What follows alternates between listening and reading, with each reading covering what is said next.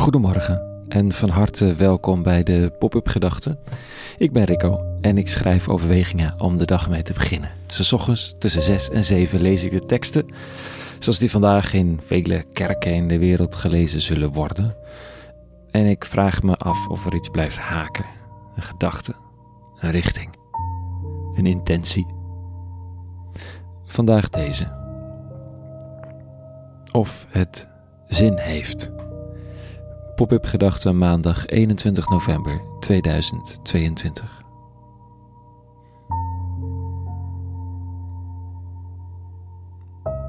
Het is wel belangrijk dat het zin heeft, hè? dat het zinnig is. We hebben er zelfs een heel nieuw woord voor bedacht. Een woord dat qua plek in het Nederlandse taalveld zomaar het woord religie komt vervangen. En dat zijn grote schoenen om te vullen, hè? Nogal een relevant woord, dat religie. Met het verdwijnen naar de marge van veel religieus leven is de macht van dat woordje wat tanende, maar, maar toch. Het leven en de historie is ermee doordrenkt.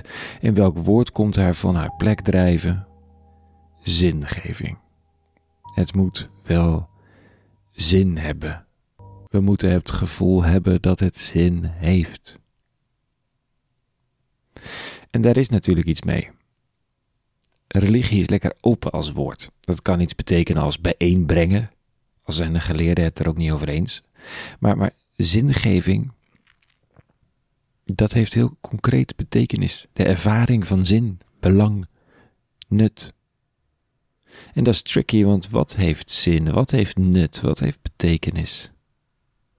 De Viva gaat er niets van merken als niemand kijkt. Zo kopt de NOS vanochtend. Oftewel, dat heeft geen zin, toch? Ik vroeg thuis, keken wij überhaupt niet, zeker niet op zondag. En, heel dat voetbal, daar hing iets afgodisch aan, althans dat was de teneur. Niet heel expliciet, ze zouden het niet zo zeggen, maar toch, kijk, als de goden zonen spelen en de hand van God een doelpunt maakt, kun je er toch ook wel iets van begrijpen, van die argwaan. En dan ging het dus niet over zin of geen zin. Heeft het zin om wel of niet te kijken? Het hoorde bij de religie dat je niet keek. In elk geval niet op zondag. Punt. We hebben hier zomaar twee ethische systemen te pakken: de deontologische en de utilistische. Jawel. Dat betekent zoveel als iets moet of mag niet omdat het zo geschreven staat, zo zijn de regels. Of de utilistische, iets moet of mag niet omdat het wel of geen zin heeft, het effect.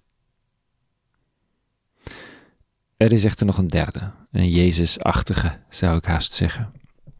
En die denkwijze over zin en over religie zet die eerdere twee manieren van denken met gemak op achterstand.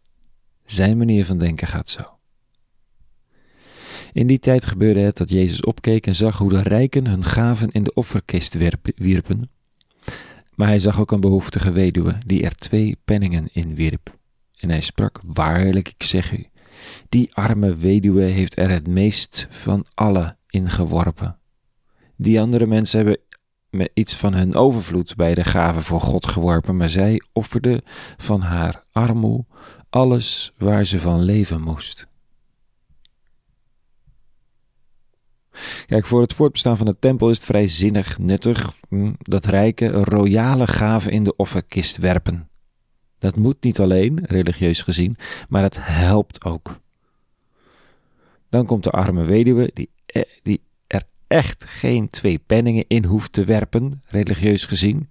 Wie arm is, hoort te ontvangen. Die hoeft ook niet te geven, religieus gezien, maar ze doet het wel. En het heeft voor de tempel echt geen zin. Bij het leegstorten van de offerkist en de zakken die vervoerd worden naar de schatkamer rollen er zomaar twee muntjes weg. Ach, het zijn maar penningen, denkt de penningmeester, en ik heb haast. Het maakt geen voelbaar verschil dat er wel of niet twee penningen aan de schatkamer zijn toegevoegd. En toch, deze vrouw is het waar Jezus de aandacht voor vraagt. Zij geeft echt. Haar bijdrage heeft echt zin. Het hoeft niet en het heeft geen zin voor de tempel, maar in Jezus' rekenmodel hebben die twee muntjes pas echt waarde. Maak van deze rabbi niet je penningmeester, dat gaat niet goed, kan ik je verzekeren. De rabbi van Nazareth tapt uit een ander ethisch vaatje. Ze noemen het wel de deugdethiek. Die kijkt naar intentie, naar het waarom, naar de hele mens en de overwegingen. Of misschien wel eenvoudiger, naar de liefde waarmee een handeling gebeurt. Dan kan de grootste klootzak besluiten om zich op een gegeven moment in te houden. En dan zien we daar een grootse groei. En kan de grootste filantroop eigenhandig een natuurgebied redden en legt het nauwelijks gewicht in de schaal. Al is het zinnig voor de aarde. Zingeving en religie gaan en zouden moeten gaan over liefde. Over de liefde waarmee de handeling plaatsvindt ook. Die geeft gewicht en zin en kleur. Dat is een fijne focus voor mijn eigen handelingen. Die liefde. Maar ook een uitdaging om elkaars handelingen in dat licht te zien en te waarderen. Tot zover vanochtend. Een hele goede maandag gewenst.